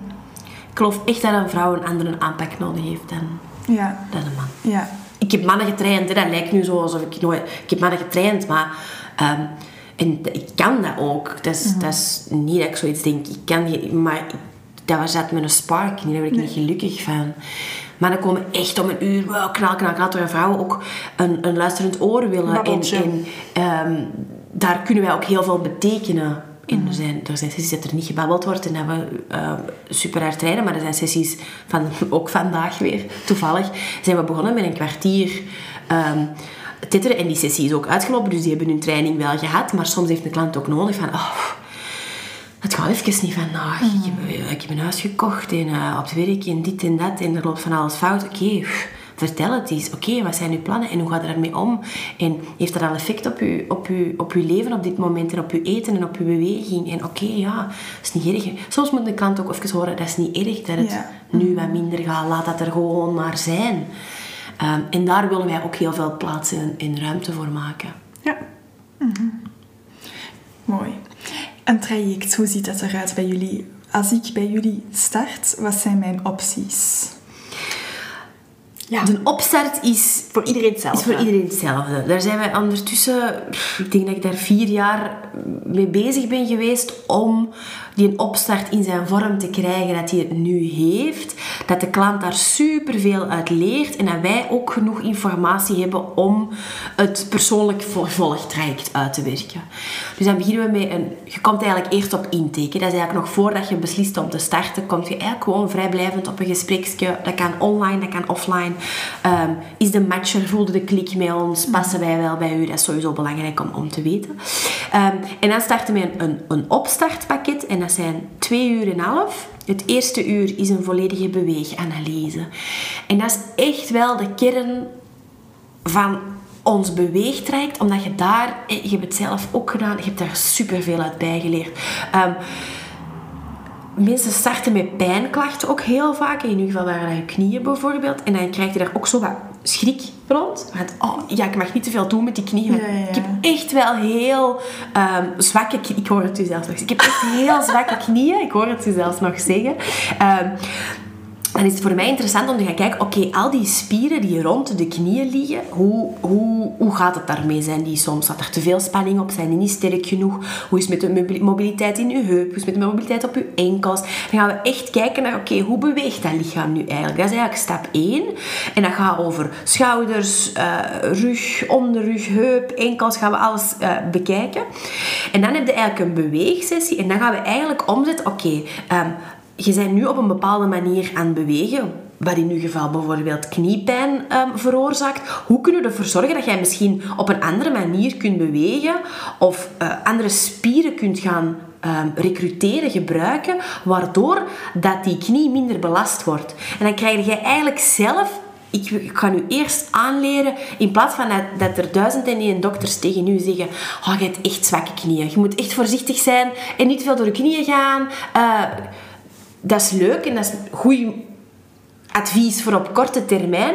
Maar op lange termijn willen we klanten tools geven om ervoor te zorgen dat je zelf, als jij eens een dag zegt, oh, ik heb vandaag wat meer last van mijn knie. Ah ja, juist. Ehm, ja, ik heb er eigenlijk helemaal niet meer op gelegd hoe ik beweeg. Misschien moet ik er eens even terug op focussen dat ik meer vanuit mijn billen beweeg in plaats van vanuit de knie. Ik geef maar een voorbeeld. Dat je eigenlijk zelf terug ja, het zeggenschap over je lichaam krijgt. Terug tools. En eh, langs de andere kant zit hier nog een voorbeeld, Helen. Ik juist zeggen, ik ben ook een heel goed voorbeeld. uh, ik heb tien jaar gesukkeld met een probleem in mijn benen dat dan blijkbaar kwam uit een onderontwikkelde bilspier. Op een bepaald moment moest ik ook als testpersoon gebruikt worden om een, een teamlead de assessments op aan te leren. Dus er wordt een assistent bij mij gedaan. En ik had al langer last. En Katrien had al ook al lang gezegd tegen mij, dat is niet normaal. En je er last van hebt. En dat blijkt dus dat ik eigenlijk mijn bilspieren nooit nooit gebruikt heb. Mm. Ik wist zelfs niet dat die bestonden. Ja, ik wist dat die bestonden, maar ik wist niet hoe ik die moest gebruiken. Helemaal juist. Dus ik heb ook jaren ballet gedaan en ik heb dat altijd jaren niet op mijn bilspier gedaan, maar op mijn hamstrings. En nu ben ik dus terug ballet aan het doen en nu weet ik hoe dat ik een bilspier moet gebruiken. En nu zegt mijn balletleerkracht, je moet die bilspieren aanspannen voor deze oefening. En ik kan dat ineens, waar dat ik dat aan vroeger eigenlijk pijn had of ik waarschijnlijk helemaal die oefening niet juist uitvoerde. En mij in alle mogelijke krampachtige vormen aan het, aan het vormen was om die oefening wel te kunnen. En nu... Compenseren. niet dat dat een fluitje van een cent is, want ballet is een heel moeilijke discipline. Maar ik, nu heb ik zoiets... Maar ja, ik voel dat ik deze spier moet opspannen. En ik heb die gewoon nog nooit gevoeld. Dat is heel mooi samengevat wat wij doen.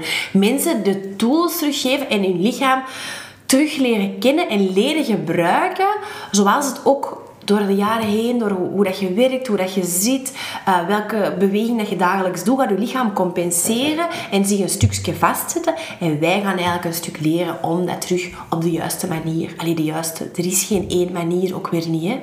Want Helen heb ik andere dingen aangeleerd dan wat ik u heb aangeleerd, hè, Alicia. Dus, dus er is geen one fits all. We moeten gaan kijken op basis van die assessment en die beweegsessie, welke tools heb jij nodig, maar dat je wel terug het gevoel krijgt dat je vat krijgt. Wat heb ik u van de week nog weer horen zeggen, Helen? Of een paar weken geleden? Oh, ik heb een beetje last, ik ga beginnen rollen. Rollen, dat wil zeggen met een balkje een spier losmaken. Dat kan ik Ik kom een jaar geleden, Helen, ik zie u hier glunderen en lachen. Een jaar geleden, als ik tegen Helen zou gezegd hebben, hier is een balkje, je moet rollen, dan zou hij zo'n gezichtje trekken en van, wat zie jij nu, hè? Maar nu heeft Helen de tools om, oké, ik voel iets opkomen, ik herken het en ik heb de tools om er ook mee aan de slag te gaan. Ja, ik heb zo'n balkje zelfs naast de zetel liggen in mijn living. En als ik dan s'avonds in de zetel bijvoorbeeld zit en ik heb last, dan denk ik zo, oh, ik ga even wat rollen met mijn balkje. Voilà, maar wist ik zelfs niet. Ja, ik ben trots En dan zit mijn hond zo heel random naar mij te kijken, want dan zit hij mij ineens zo'n oh, balkje pakken en dan denkt hij, ga je gaan spelen met mij? ik kan altijd gewoon daarop zitten rollen. Kijkt hij altijd een beetje raar naar mij. Ja, want ik doe die oefening ook op aanraden van Katrien. En wordt gek. Lou wordt echt, die begint op mij te blaffen, die begint mij te slaan, want ze wil dan zo dat balkje. Ja. Misschien moeten we eh, zeggen bij mensen die honden hebben, dat die twee balkjes Ja, dat een hond dan ook een balkje. Goeie tip. Ja, want ik pak dan eigenlijk ook haar een bal. Oké, dan begrijp ik het wel. Ik snap dat dat niet... Ja, nee. Dat is niet eerlijk, hè? Oké, dus dat is de eerste maand. Ja. Ah ja, goed, we zijn ja, afgeleid. je hebt alleen nog maar de eerste sessie, denk oh, ik. Ja, nee, dus de beweegsessie, uh, je hebt de assessment, dat is de eerste sessie, beweegsessie, de tweede sessie, en dan is er een half uurtje bij Helen. Ja, maar dat ga ik Helen laten ja. uitleggen. Dat is dus allemaal de eerste maand. Ja, dat is, de oh. eerste, dat is, het opstartpakket noemen we dat eigenlijk. Uh, dus dan heb je ook een sessie rond voeding bij mij, waarin dat je eerst een, een soort van vragenlijst invult, zodat we eigenlijk meteen aan de slag kunnen heel veel diëtisten verliezen dan zo tijd aan elkaar te leren kennen en duizend en één vragen te stellen. Ik heb die vragen gesteld, ik neem dat verslagje door en ik kan direct concreet aan de slag gaan, wat ik heel belangrijk vind. Mhm. Ehm, en dan gaan we heel hard praktisch kijken. Oké, vooral, wat, wat, loopt het op dit moment het moeilijkste in je leven? Dat kan zijn, oh, ik vind ontbijten heel moeilijk, of s'avonds heb ik eigenlijk helemaal geen zin om te koken, en waardoor ik elke avond afhaal, afhaal eten bestel. Of ja, ik heb zo eens een keer Hello Fresh besteld, maar dan belt een vriendin en dan moet ik die Hello Fresh allemaal in de vuilbak gooien. Dat zijn echt standaard voorbeelden even geef. Heel veel problemen waar mensen... Allez, problemen noem ik dat niet graag, maar dingen waar mensen op vastlopen. Hoe kan ik dat oplossen? En dan gaan we echt samen even kijken. Oké, dat loopt op dit moment zo. En dan gaan we dat zo en zo en zo aanpakken. En dan is dat eigenlijk gewoon opgelost. En dat is eigenlijk met super simpele tips komt je eigenlijk heel ver. Sommige klanten zitten ook wel wat nog in een stukje een mindset uh, verhaal. Moeten eerst ook nog wat uit de dieetgedachte geraken. Moeten ook hun hongerverzadigingsgevoel terug wat leren kennen. En daarvoor hebben wij eigenlijk een database met video's Die klanten dan kunnen bekijken. Ik hou er echt van om het praktische te gaan bekijken. En ook wel, als mensen nog heel hard vastzitten en ik heb schuldgevoelens als ik iets eet, gaan we ook wel eerst net wat meer op mindset moeten ehm, focussen. En dat zijn vaak wel de klanten die daarna ook wel wat één op één in een één op één traject nadien verder blijven gaan, die dat ik maandelijks terugzie. Maar we hebben ook heel veel klanten die in groepstrajecten terechtkomen en die eigenlijk ja, met één sessie grote veranderingen kunnen doen en dan door onze receptendatabase te gebruiken eigenlijk super ver geraken. Ja, dat is onze opstart. En dan, gelijk dat je zegt, ofwel gaan mensen dan door one-on-one in personal training, ofwel gaan mensen door in personal training in groep. Dat is wat jij doet. Ja. En dan kan je eigenlijk één keer om de zes weken naar je trainer, krijg je een trainingsschema en traint je in kleine groepjes, dus groepjes van vier. Maar iedereen elke vrouw is op dat moment zijn eigen trainingsschema aan het doen. Dus dat is heel leuk, want dat is op maat, maar wel heel persoonlijk, gezellig. Ehm, je moet ook zo niet alleen naar de fitness, maar je hebt nog altijd wel je afspraak. En dan heb je het, de derde optie is gewoon eh, small group trainingen. En dat zijn sessies in acht. Dan heb je geen eigen trainingsschema, maar komt je gewoon 1, 2, drie keer per week naar Bibi. Ehm, en doet je mee wat er die les voorzien wordt. Ja. Dat is de ene week wat meer pillen, de andere week wat meer core, dan is wat meer cardio. Dus daar proberen we wat in af te wisselen. En we bieden ook ehm, yoga en boxlessen aan. Dus Ja. los van de, de personal training, de, de, de krachttraining, dat wel echt onze kern is, ehm, zijn dat zo twee dingen die dat we ook wel echt een aanvulling vinden op het, het, het krachtgegeven. En iedereen mag komen zo vaak als die wilt, hè? Ja, klopt. Elk ab- abonnement is zoveel als je wilt. Ehm, dat is ook omdat we dat nu in het begin was personal training. Dat kon dan, konden dan niet nog een tweede of een derde keer. Maar dat past helemaal niet bij onze visie. Want als je dan twee keer wou komen, moesten twee keer een personal training sessie betalen. En dan zit er direct een abonnement van 600, 700 euro om dat te doen. En ehm, dat paste niet bij onze visie. Want dan moesten die dat ene keer op Bibi doen en ene keer thuis. Maar dat werkte ook niet. Dus we hebben ervoor gekozen om, om ons ja, een beetje na te denken. Hoe kunnen we dat anders vormgeven? Dat mensen echt zoveel willen als, als zelf in hun agenda past. Want het is geen noodzaak dat je drie keer per week komt. Als ene keer past in je agenda, ja top, dan zijn je al be- beter. Allee, Ja, als je ervoor niet sport en je nu één keer, dan Voilà. je goed bezig. En misschien lukt het op bepaalde periodes in je leven wel om twee keer te komen. Dan kom je gewoon twee keer. Ja. Dat is eigenlijk het belangrijkste. En qua voeding is het eigenlijk... ehm, ja, krijg je een heel online stukje erbij. Dus voeding gaat je niet... Enkel als je één op één eh, sport, krijg je ook een één op één sessie rond voeding bij. Maar we merken eigenlijk heel vaak, zoals er net zei, dat je in die eerste sessie al heel ver geraakt. En dan eigenlijk door... ehm, we sturen ook elke maand een Bibi-barometer, waarin dat je een aantal vragen oplost. En dan krijg je daar ook tips en tools om voeding. Als dat nog wat minder goed gaat, kun je daar ook nog eh, tips en tricks aan toepassen. Ja, en niet alleen voeding. Hè. Er zijn, Ook er slaap, zijn, stress, Voilà. Er zijn heel wat uh, video-mini-trajectjes, zal ik maar zeggen, Ja. in onze database. Rond alle thema's die dat leven kunnen... Allee, je gezondheid kunnen beïnvloeden. Hè. Ja, dus dat zit er eigenlijk ook allemaal in. Ja. Leuk.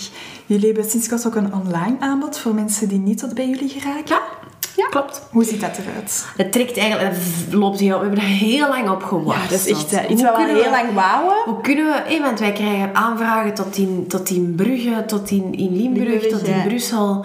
Ehm, hoe kunnen we die mensen servicen op dezelfde persoonlijke eh, manier dat we dat ook willen? En we hebben er dan voor gekozen dat die ene keer naar Bibi komen. De eerste keer. Ja, en dat is dan direct een sessie van twee uur, waar dat we wel die assessment en die ehm beweegsessie het doen. opstartpakket. Het opstartpakket krijgen die helemaal. Die sessie met Helen ook, maar dan online. En dan staat er eigenlijk... ehm, op basis van die beweegsessie en die beweeganalyse gaan we eigenlijk kijken, oké, wat heeft deze klant nodig? En op basis daarvan staan er video-workouts klaar, vier per maand. En wat we heel vaak merken bij online eh, trajecten, hè, gaat het weer over die dode abonnementen. Hoeveel mensen hebben er een app op hun gsm staan met workouts? Of hebben ooit zo ergens workouts gekocht en doen ze daar toch niks mee? Dus wat voor- voorzien wij? Elke maandag en zaterdag is er een co-workout.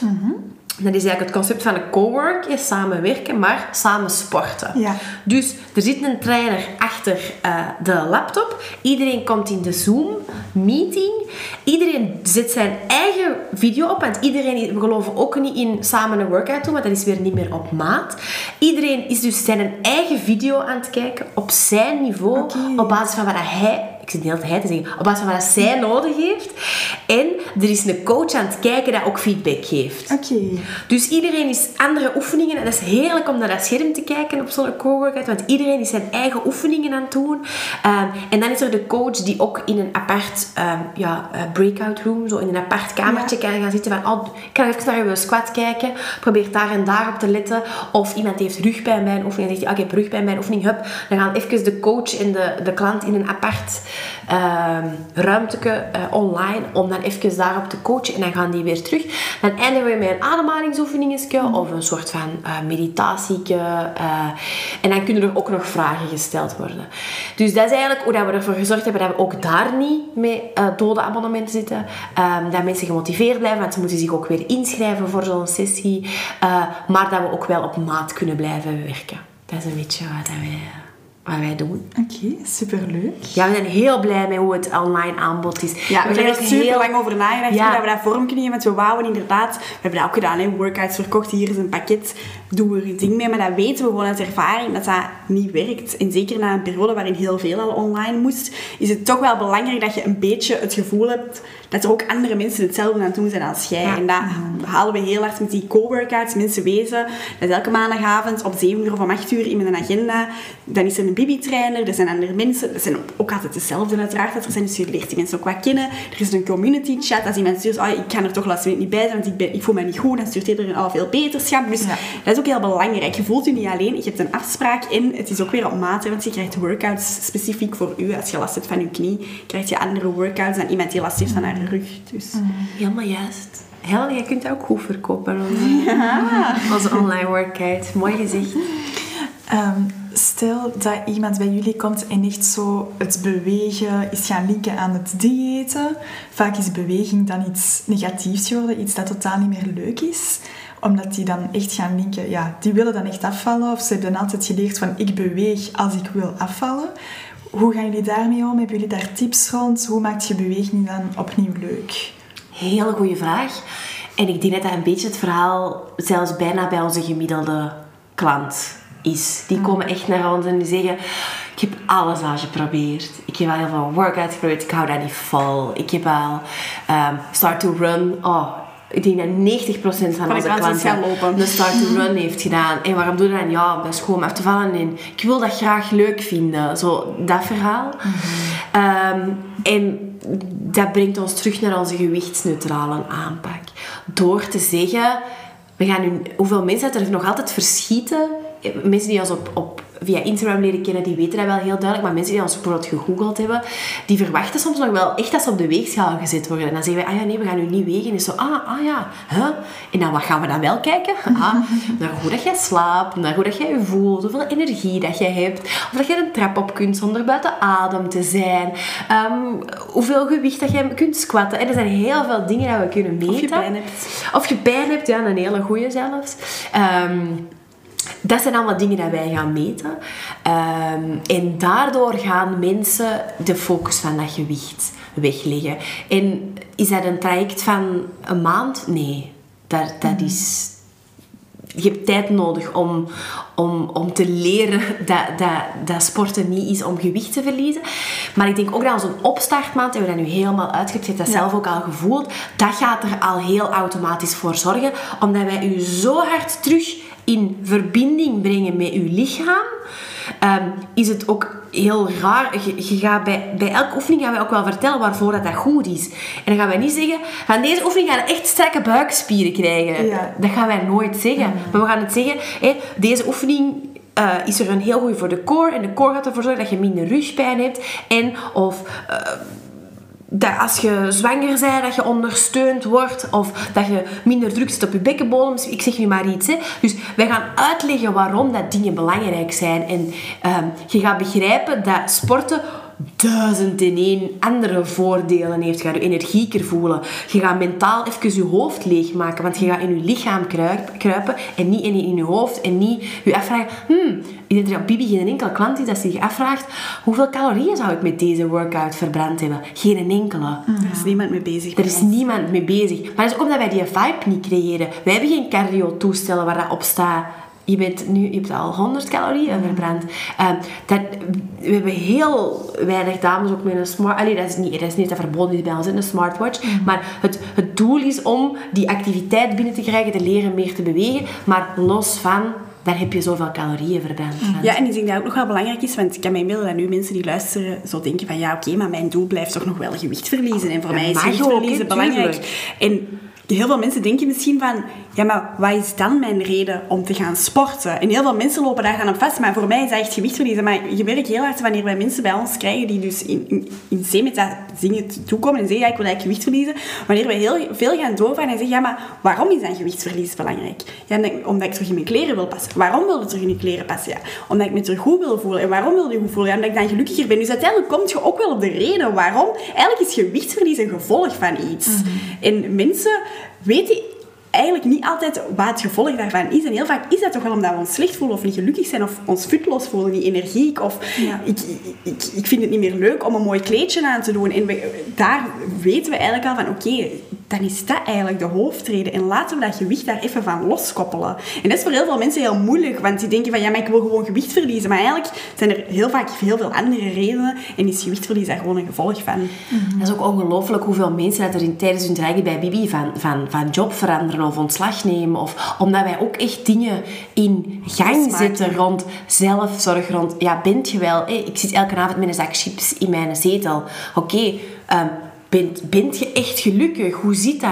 Um, uh, waar krijg jij je genot uit? Waar word jij gelukkig van? Oh, dat weet ik niet. Oké, maar denk eens echt na. En, en... Het is inderdaad heel vaak een reden dat mensen zeggen tegen mij van ja, ik, heb, ja, ik ben echt een emo-eter, dus ik koop gewoon geen chips meer, want dan kan ik dat ook niet meer eten. Maar ja, dat is eigenlijk geen oplossing. Want ja, er, is een, ja, ja, er is een reden waarom dat je die chips eet. En dat is niet gewoon omdat jij graag chips eet. Want ja, dan zou iedereen elke avond chips zitten eten als dat de reden was. Mm. Er is een andere reden waarom dat jij dat doet. Is dat gewoonte? Is dat verveling? Is dat omdat je werk niet plezant? Is dat omdat je man zorgt? Is dat omdat je kind vervelend was vandaag? Er is een reden waarom dat jij die chips aan het eten bent. En dat is niet gewoon omdat jij graag eet. Maar dat denken wel heel veel mensen, omdat de dieetcultuur ons uiteraard ook een beetje wijs maakt.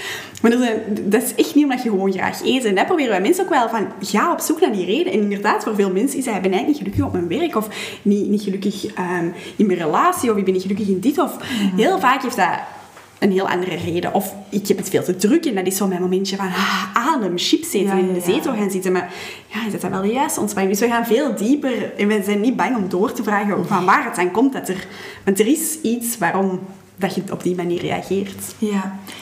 ja. Zeg maar. Nee, ik wou dan uh, de bijhorende vraag stellen. Veel mensen denken ook dat beweging sowieso zorgt voor gewichtsverlies, wat dat niet zo is. Maar wat zijn dan wel echte voordelen van beweging?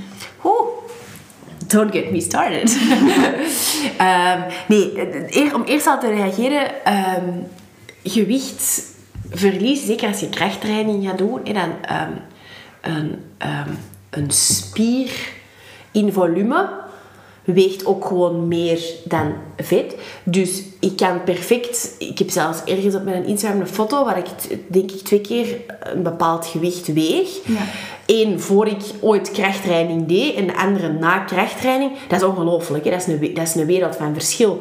Ik, lijk mager, allee, slank of uh, sportief uh, gebouwd. En mijn abs zijn zichtbaar op die ene foto. Die andere totaal niet, maar ik weeg wel identiek hetzelfde. Mhm. Dus dat allemaal even om te zeggen, gewicht is echt de grootste bullshit ever.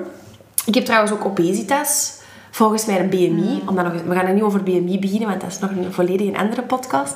maar um, dat heeft dus, vind ik echt de grootste bullshit, uw gewicht. Dat is ook waarom je dat helemaal loslaat. Maar waar moet ik beginnen over de voordelen van sporten? Um, uw hart is ook een spier. Veel mensen uh, weten dat niet. Um, maar het is heel belangrijk om ook die spier te trainen, zodat die sterk is, zodat die, dat er uh, voldoende bloed en zuurstof door uw lichaam gepompt wordt.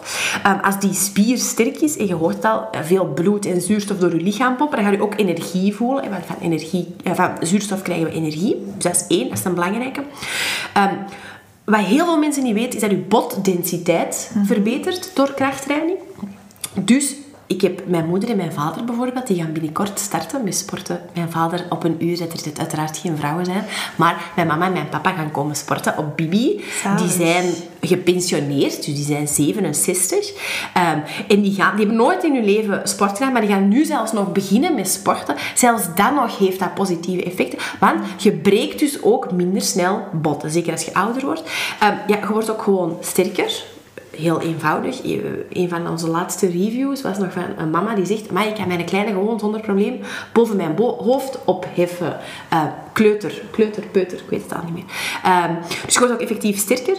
Ehm, en ik ging nog iets zeggen en daar ben ik al. Ah, wij krijgen, ik denk 80% van onze klanten komt met een of andere pijnklacht bij ons.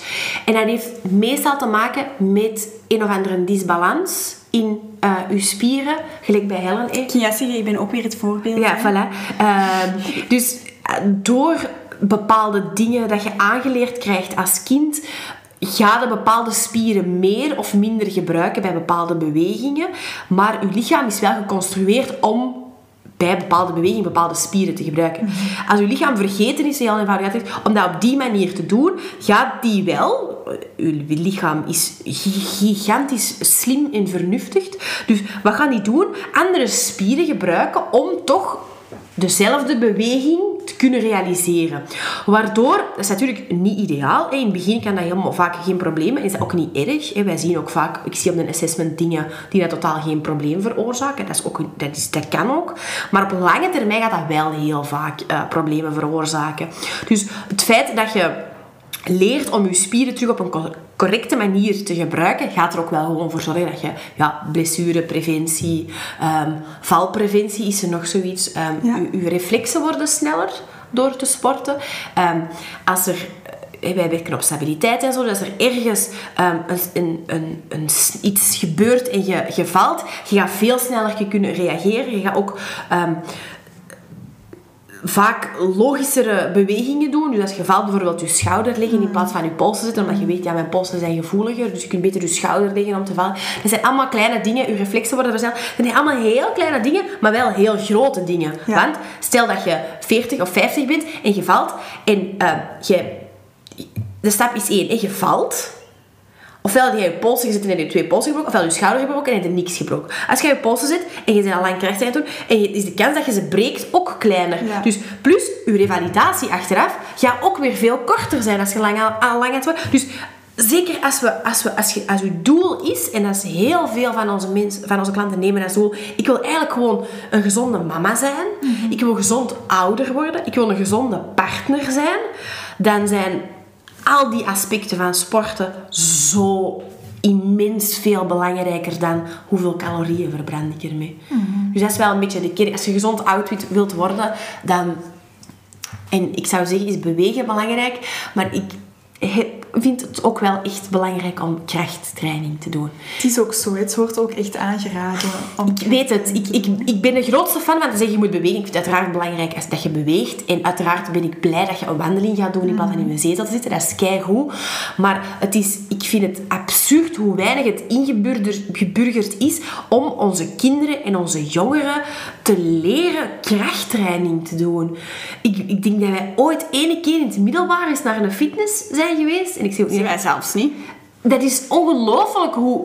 Hé, wij leren aan handballen en hockeyen en eh, misschien wat Wij voetbal. leren zelfs frisbeeën. Frisbeeën, hoe Ja, laat maar ze het daar niet mee. hoe wat hoepen. Allee, ik weet niet wat ik allemaal geleerd heb, maar ehm, dat is totaal niet wat de kern is van uw lichaam leren kennen. Dus als ik ooit een ehm, eh, schoolplan, of hoe zie je dat, eh, mag herschrijven... Leerplan voor eh, sport. Ja, het leerplan LO mag herschrijven, dan ehm, ja, gaan jullie hopelijk, eh, of toch jullie kinderen ooit dan, allemaal leren in waar je lichaam allemaal toe in staat is. En wat je eigenlijk kunt met je lichaam, als je dat echt leert kennen. Want nu is LO, ook voor 80% van onze klanten, een traumatische ervaring van moeten en scores en punten en, en je moet lopen omdat Ja, het snel denk- moet zijn. En, Ik denk dat sporten toch ook wel buiten al die voordelen dat het heeft, dat het, voor, dat het ook wel gewoon leuk is. En ik denk dat dat voor heel veel mensen nog niet is, omdat ze het nog nooit Ja. op de juiste manier hebben gedaan. Dus buiten dat het dan heel goed is voor je gezondheid. Hè. Ik zelf ook, als ik even niet sport, dan voel ik dat direct. Heb ik pijn, dan denk ik, ah ja, ik ben mijn oefeningen gewoon aan het doen.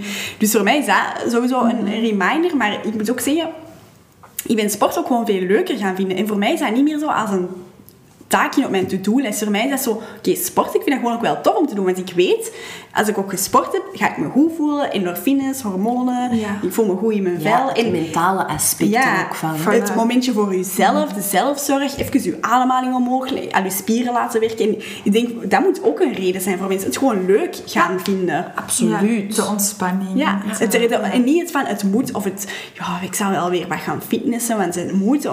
Maar ook gewoon, het is leuk en ik vind het tof om te doen. Ja, en het ook gaan zien als een vorm van zelfzorg. Voor jezelf zorgen. Niet als ik moet gaan sporten omdat dat van de maatschappij verwacht wordt. Of ehm, omdat dat moet van mijn dokter of dat moet van mijn diëtiste. Maar ik ehm, durf dat te internaliseren. Dat dat een vorm van zelfzorg is. Ik zorg echt voor mijn lichaam. En ehm, ik geloof absoluut in dat je intuïtief moet voelen. Oké, de ene dag gaat dat meer yoga zijn. De andere dag gaat dat meer wandelen zijn. De andere keer is dat krachttraining. Ehm, maar soms is het ook wel gewoon om het, belangrijk om het te doen, omdat het goed is voor je, omdat het echt een vorm van zelfzorg is. Ja, ook al is het op dagen dat je moe bent, ehm, allee, in mindere maten of minder lang. Of, tuurlijk. tuurlijk. Het is, de, de dingen is ook, ben ik moe of, of denk ik dat ik Ja. moe ben? Ik ging het woord lui gebruiken, maar dat is natuurlijk niet het juiste woord. Maar als je in de zetel ligt en denkt, ah, ik moet nu nog gaan sporten. Is het dan omdat je echt moe bent? Of is dat gewoon omdat je aan ontspanning nood hebt? En is het even een drem- drempel om die legging aan te doen, te gaan sporten. Maar denk je dan achteraf, maar ik ben zo blij dat ik deze gedaan heb. En eh, dat, dat, dat is altijd een beetje afweging. Ja, en ik denk dat dat ook wel weer terugkomt op waar we ook mee begonnen zijn, met dat Alicia ook zei van, ja, bij mij hielp dat keer dat Anke zei, oké, we gaan dat plannen. Ik denk dat mensen daar ook wel een beetje, oké, Oh ja. maandagavond is mijn avond dat ik ga sporten, dus no way, als er dan te veel tijd in het koken moet kruipen, dan moeten we een mand maar doen, of dan eten we maar pizza, bij wijze van spreken, of dan halen we iets uit een diepvries. Het maakt niet uit, maar eigenlijk is dat dan een no-go om dat af te zeggen. Ja, plus ook, mijn man weet het, mijn kinderen weten Op een duur weten uw vriendinnen dat ook. Want als Ja. jij dat elke keer opnieuw zegt, ja nee, maandagavond echt niet, dan, moet, dan ga ik sporten, dan ga ik naar Bibi. Of zeg maar tegen al uw vriendinnen dat je naar Bibi gaat, kijk hoe. Eh, ik ga sporten bij Bibi, dan, dan, dan is dat geweten. Vanaf dat je daar in, oh ja, maar toen ik die vriendin gevraagd om af te spreken, ja, dan ga ik wel, dan ga, dan ga ik eens een week niet sporten. Vanaf je daarin komt, is die structuur ook veel Ja, en het is ook logisch dat als je thuis bent en je hebt een vermoeiende dag en je bent niet ingesteld op ik ga straks ook nog wel even sporten, dat je dan logisch in de zetel gaat. Allee, Ja, dan denk ja, ik dat er niet heel veel mensen zeggen, maar ah, wel, weet je wat, ik ga niet sporten, want je hebt een vermoeiende dag gehad. Mhm. Dus ik denk dat je daar gewoon ook al een beetje een afspraak moet hebben met jezelf en zeggen, ik ga vanavond sporten, want daar krijg ik energie van, ik vind dat leuk. Maar niet nog op het einde van een dag, want dan is het logisch dat je vatje met energie een beetje leeggelopen is. Ja, en als het ingepland staat, je bereidt je daar ook op voor. Hè? Tuurlijk. Dus je mentaal weet je, oké, ik ga sporten. En dat is anders dan als je op de minuut zelf gaat de meestal niet beslissen om Ja, ineens. en zoek ook voor u het beste moment om te sporten. Want voor sommige mensen is dat misschien s'morgens als middagpauze, direct om vijf uur na je werk. Veel mensen gaan dan ook zo denken van, dat moet nadat ik al mijn andere to-do's aan mijn lijst gedaan heb. Maar doe dat gewoon op het moment dat voor u voelt van, ah ja, nu heb ik daar zin in, of nu Dat is, dat. is ongelooflijk. We hebben mensen die nog voor het werk komen, dus om half acht 's morgens. We hebben mensen die graag inderdaad op de middag even komen. We hebben mensen die met lates werken en dat dan even nog voor het werk komen doen. We hebben mensen die dat direct na het werk komen doen. We hebben even mensen die zeggen ik kom dat doen als de kinderen al in bed liggen. Dus dat, dat is een heel brede variëteit, omdat wij ook een heel brede variëteit aan vrouwen hebben. En elke vrouw is anders en heeft ook nood aan iets anders. Dus ga ook op zoek naar wat op dit moment weer bij uw leven past. Ja, Mhm, mooi. Ehm, in het begin het sporten deed ik dat bij jou, Katrien. En dan wist ik, oké, na een tijd ga ik ook bij andere trainers terechtkomen. In het begin was ik daar zo'n beetje bang voor. Want Je, ik je ben bent zo- niet alleen. Ik Je ben- bent niet alleen. Ik ben echt altijd zo gehecht aan mijn persoon en ik wil dan altijd diezelfde persoon. En dan kwam ik eh, bij Anke terecht en eigenlijk viel daar ja, uiteraard super goed mee. En dan ben ik nu super blij met Anke. En wat ik ook merkte, is dat het eigenlijk niet zo anders was Klopt. dan met jou te sporten. En dan ben ik ook eens bij Merel al een paar keer geweest. En dat is eigenlijk ook heel leuk. Hoe komt het dat iedereen zo dezelfde taal spreekt? Ha, dat is een kei goede vraag. Er zit heel veel tijd en energie van mij in. Ehm, ik heb een heel duidelijke visie op hoe training gegeven wordt. En vooral ook in hoe er gecommuniceerd wordt met klanten. Dus ehm, al mijn trainers hebben uiteraard een opleiding personal training en zijn ook Europees gecertificeerd. Maar een Bibi-trainer is nog iets anders dan een gewone personal trainer.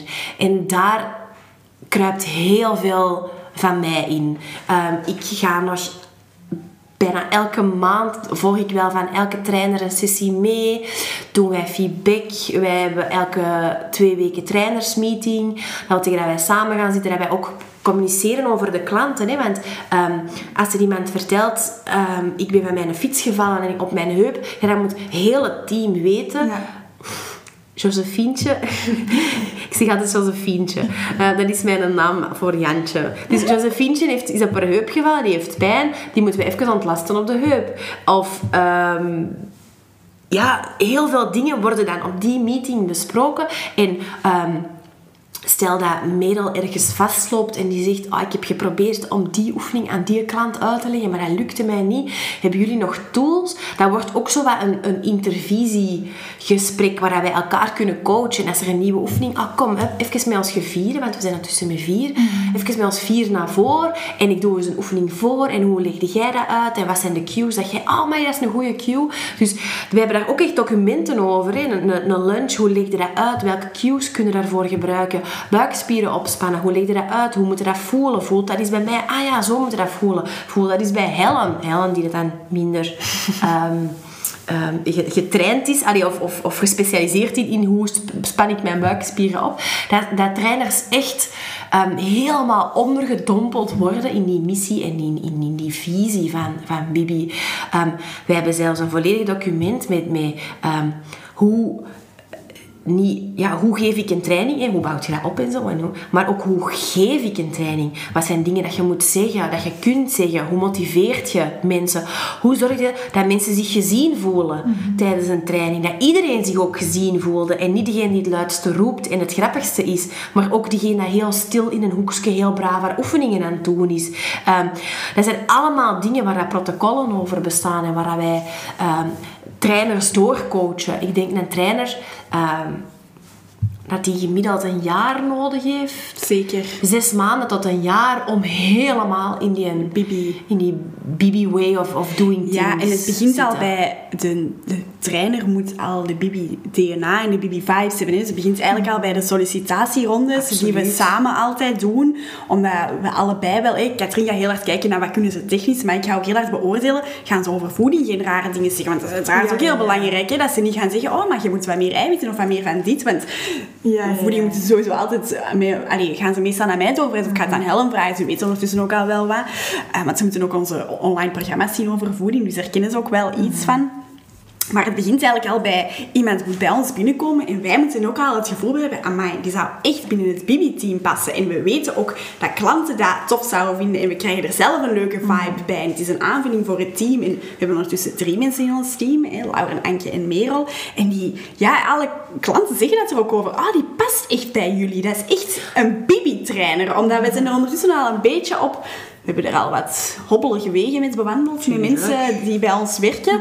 En ondertussen weten we wel heel goed welke uitstraling dat we willen ze hebben, hoe- de manier van praten, de, ook de interesses dat ze zelf hebben, eh, hun visie over eten en bewegen, die uiteraard in lijn liggen met ons. Dus we zijn er ook wel goed in geworden, denk ik, met goede mensen te vinden. En ehm, die Wat niet geef- gemakkelijk is. Nee, die, die geven ook altijd, eh, voordat we ze aannemen, geven die ook altijd een, een training. En er zijn natuurlijk ook klanten die ook al eh, twee jaar bij ons trainen, die ondertussen denk ik al alle sollicitatieprocedures bijna hebben mogen meemaken. Dus we hebben ook een één en tweetal klanten die dat ook bijna in alle groepen aanwezig zijn, waar we kan zeggen, zie, hoe was dat? Hoe was die vibe? Want ik kan observerend kijken naar een sessie, maar hoe iets voelt als klant is nog iets helemaal anders dan, dan als ik, hoe ik denk dat het Ja, ja, ja. ge- ge- ge- ehm, aangevoeld wordt.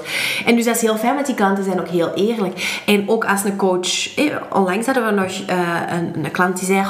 Ik mis toch nog dit of dit bij de sessies van die en trainer. Ja top, we love it. Wij vragen daar ook achter. Mhm. Ehm, dus wij kunnen met, met het in persoonlijk, omdat wij ook zo dicht bij onze klanten staan, um, durven die ook feedback te geven, weten die dat wij ervoor openstaan. Um, en zo kunnen wij nog klanten, onze coaches ook nog meer gaan coachen in, in de manier, tussen aanhalingsteken, om, om training te geven. Ja, we geloven ook heel hard in dat je een vibe hebt als persoon, mhm. maar in iets aanleren, dat kunnen we, je moet dan een basis hebben, hè, maar we kunnen heel veel aanleren van trainingstechnisch, maar je moet wel echt zo de vibe hebben om, om ja, in ons team ook een beetje te horen dat de klanten ook inderdaad het gevoel van hebben van ah, die spreken echt allemaal dezelfde taal. Dat is een heel groot stuk kennis, maar ook een heel groot stuk ja, hoe dat een persoon is. En uiteraard heb je een variëteit. Je hebt zult een trainer die wat meer lacht, een trainer die wat meer serieus is. Maar dat is ook belangrijk, want je hebt klanten die ook serieus zijn en die graag meer lachen. Dus dat is ook belangrijk dat er een goede afwisseling is. We hebben een heel vers... Want dat lijkt nu of wij allemaal zo dezelfde trainers hebben. Maar het, het leuke is dat wij ook vier totaal verschillende... Ja, dat is echt wel. Ja. wij zijn totaal verschillend, maar wij spreken dezelfde taal. En dat maakt het zo leuk. Mhm. Ehm, we hebben een, een, heel aanvullend team waarin iemand meer uh, um, heel cijfermatig is en heel veel structuur nodig heeft en de ander weer heel creatief en um, projectjes willen uitwerken en anderen is geweldig mee ervoor zorgen dat elke klant op de juiste datum een cadeautje krijgt wat hij al vier maanden bij ons sport of een, een, een kaartje met een complimentje op en hij houdt het allemaal in de lijst bij en die zegt tegen die trainer ah ja, volgende week moeten aan die klant top. Allee, dat moet aan mij niet geven, want ik zou daar een ramp in zijn. ik ook. Maar wij hebben wel een team kunnen samenstellen dat zich zo, elkaar zo goed aanvult. Mm. Ehm, maar toch, ja, dezelfde Bibi-taal spreekt naar onze klanten toe. Maar dat is wel een heel groot compliment. Dat is wat we proberen te realiseren, dat dat ook effectief lukt. lukt. Je merkt echt dat jullie heel vaak samen zitten en bespreken. Dus dat is heel fijn. Dat is Ehm, voor ons een grote financiële investering, want dat is uh, wekelijks hm. uren dat wij ons personeel daarvoor betalen. Maar dat maakt ook dat wij anders zijn dan een andere uh, fitness. Hm. Ehm, er zijn heel veel plekken waar je personal training of small group training kunt volgen. Maar er is en ik durf me echt mijn hand daarvoor in het vuur steken. Er is geen enkele studio die zo vaak brieft en klanten doorpraat als wij. Ik durf dat echt in, durf dat zelfs te zeggen, bijna in heel België. Um, niemand dat dat op deze manier doet. Misschien een kinepraktijk, maar dat is, dat is, dat is paramedisch, dat is nog anders. Wij werken ook samen met een kine. We hebben een document waarin dat wij communiceren. Dat communiceren wij onder de trainers. Wij weten van al onze klanten bijna van buiten wie dat wat heeft van blessures en waar daar rekening mee gehouden moet worden. Dat is ook heel belangrijk, hè, want ik heb vorige week een heel specifieke casus gehad met, mhm. met een klant. En ik, ik vertel dat tegen Anke en Catherine. En Anke komt ook weer... Volgens mij moeten we, moeten we die eens naar die specialist sturen. En dat is ook gewoon... We hebben allemaal een andere kijk op... op soms komt je er zelf uit, maar het is soms ook gewoon belangrijk om het te bespreken met de anderen. Want iedereen heeft, een, heeft andere kennis en expertise. En het is gewoon belangrijk van... Ah ja, ah, het is een goed idee. Daar heb ik eigenlijk helemaal zelf nog niet over nagedacht. Ja. Dat is echt een, een kracht. En, en ehm, een heel bewuste keuze aan ons om daar ook financieel in te investeren. Dat dat team op dezelfde, op dezelfde lijn staat. Ja. En dat maakt dat wij als team hechter zijn. Want we hebben dat, voordien deden we dat niet. En waren onze trainers wel onze trainers. Maar nu willen die zo echt mee Bibi groot maken. En, en die geloven ook, die zitten ook helemaal in die missie. En oh, kunnen we dit misschien nog doen en dit. En er zijn leuke ideeën en, en dat bloeit en dat groeit. En dat is echt wel heel leuk om, uh, ja. om te merken. Zalig. Ik ben trots op ons team. Ik ook. Oh. Hebben jullie nog spannende toekomstplannen? Of waar gaan jullie op dit moment naartoe? We hebben zeker spannende toekomstplannen. We hebben ook altijd duizend en één ideeën. Dus uh, en kunnen jullie iets over zeggen? Ik zou denken... Um, ja, zeg Helen, wat gaat je nu vertellen? nee, we gaan niet te veel vertellen, maar dat gaat je allemaal wel kunnen volgen als je ons volgt op social media. Of als je misschien klant bent bij ons, of heel graag klant wilt worden. Maar wij, er Er is één missie. Ja. En missie is, wij weten dat wat wij doen, dat heel veel vrouwen daar nood aan hebben. Maar echt heel veel vrouwen. En eh, ons doel is op zijn minst België, Nederland, liefst Europa, liefst zelfs de hele wereld, ehm, laten kennis maken met die low-key vibe, dat welkome gevoel, dat leren terugluisteren naar je lichaam. Ehm, dus dat is de grote missie. Ja. Hoe dat we dat gaan doen, kunnen we nu nog niet zo heel veel over vertellen, want er ligt nog heel veel Opties. open en op tafel. En eh, we zijn juridisch heel veel dingen aan het bekijken. Boekhoudkundig zijn we heel veel dingen aan het bekijken. Dus eh dat moeten we nog een beetje spannend Maar houden. er komen in de Maar- toekomst wel nog heel veel leuke dingen aan. Voilà, voilà. Ehm, ook als je niet in Antwerpen woont, ehm, komt er hopelijk een optie. eh allee, het online is er al, hè? Ja. Maar dat, er, dat je ook, Ook in, naar, in eh, real life Ja. aanbod. Amai. Spannend. Maar hoe we dat gaan doen, Ja, en hoe snel dat we dat gaan uitrollen, kunnen we... Oh, allee, dat is niet... Ik kan niet geloven dat er... eh, we hopen tegen het einde van het jaar eh, er zelf al eh, toch wel meer info over te hebben. Hè? Vooral dat, ja. Ik dacht dat jij, dat jij al ging zeggen... Einde van dit jaar. Nee, ga Ah, ik ben super benieuwd. Hoe kunnen mensen jullie terugvinden? Op Instagram bij Bibi underscore Fitstudio. Op TikTok.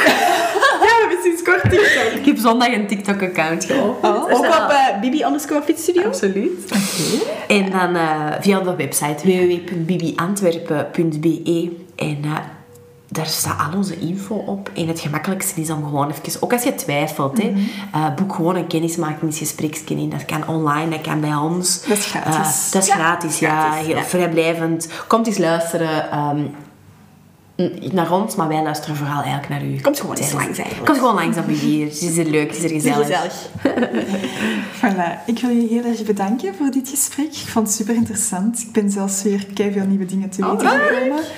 En ehm, ik wil jullie beiden ook heel erg bedanken dat ik bij jullie sport, dat ik jullie heb leren kennen. En ik ben super blij om Bibi-ambassadeur te zijn. Oh. Jij bedankt. En ik wou net hetzelfde. Jij bedankt om onze ambassadeur te zijn. Het is echt ongelooflijk hoe onze visies in één richting staan. En, en, en gewoon, ja, dat voelt gewoon super... Super dat jij ook gewoon sport bij ons, want dat voelt, dat klopt. Dat voel ik heel hard en dat is super leuk. Dus wij zijn ook dankbaar dat jij ambassadeur wou zijn. van Heel graag gedaan. Salut! Heb je genoten van dit gesprek? Laat het mij dan alsjeblieft weten, want ik word daar super gelukkig van als ik zo'n berichtjes krijg. Je mag dat sturen via Instagram of je kan ook deze podcastaflevering delen in je Instagram stories. Dankjewel om te luisteren en tot de volgende keer. Bye bye!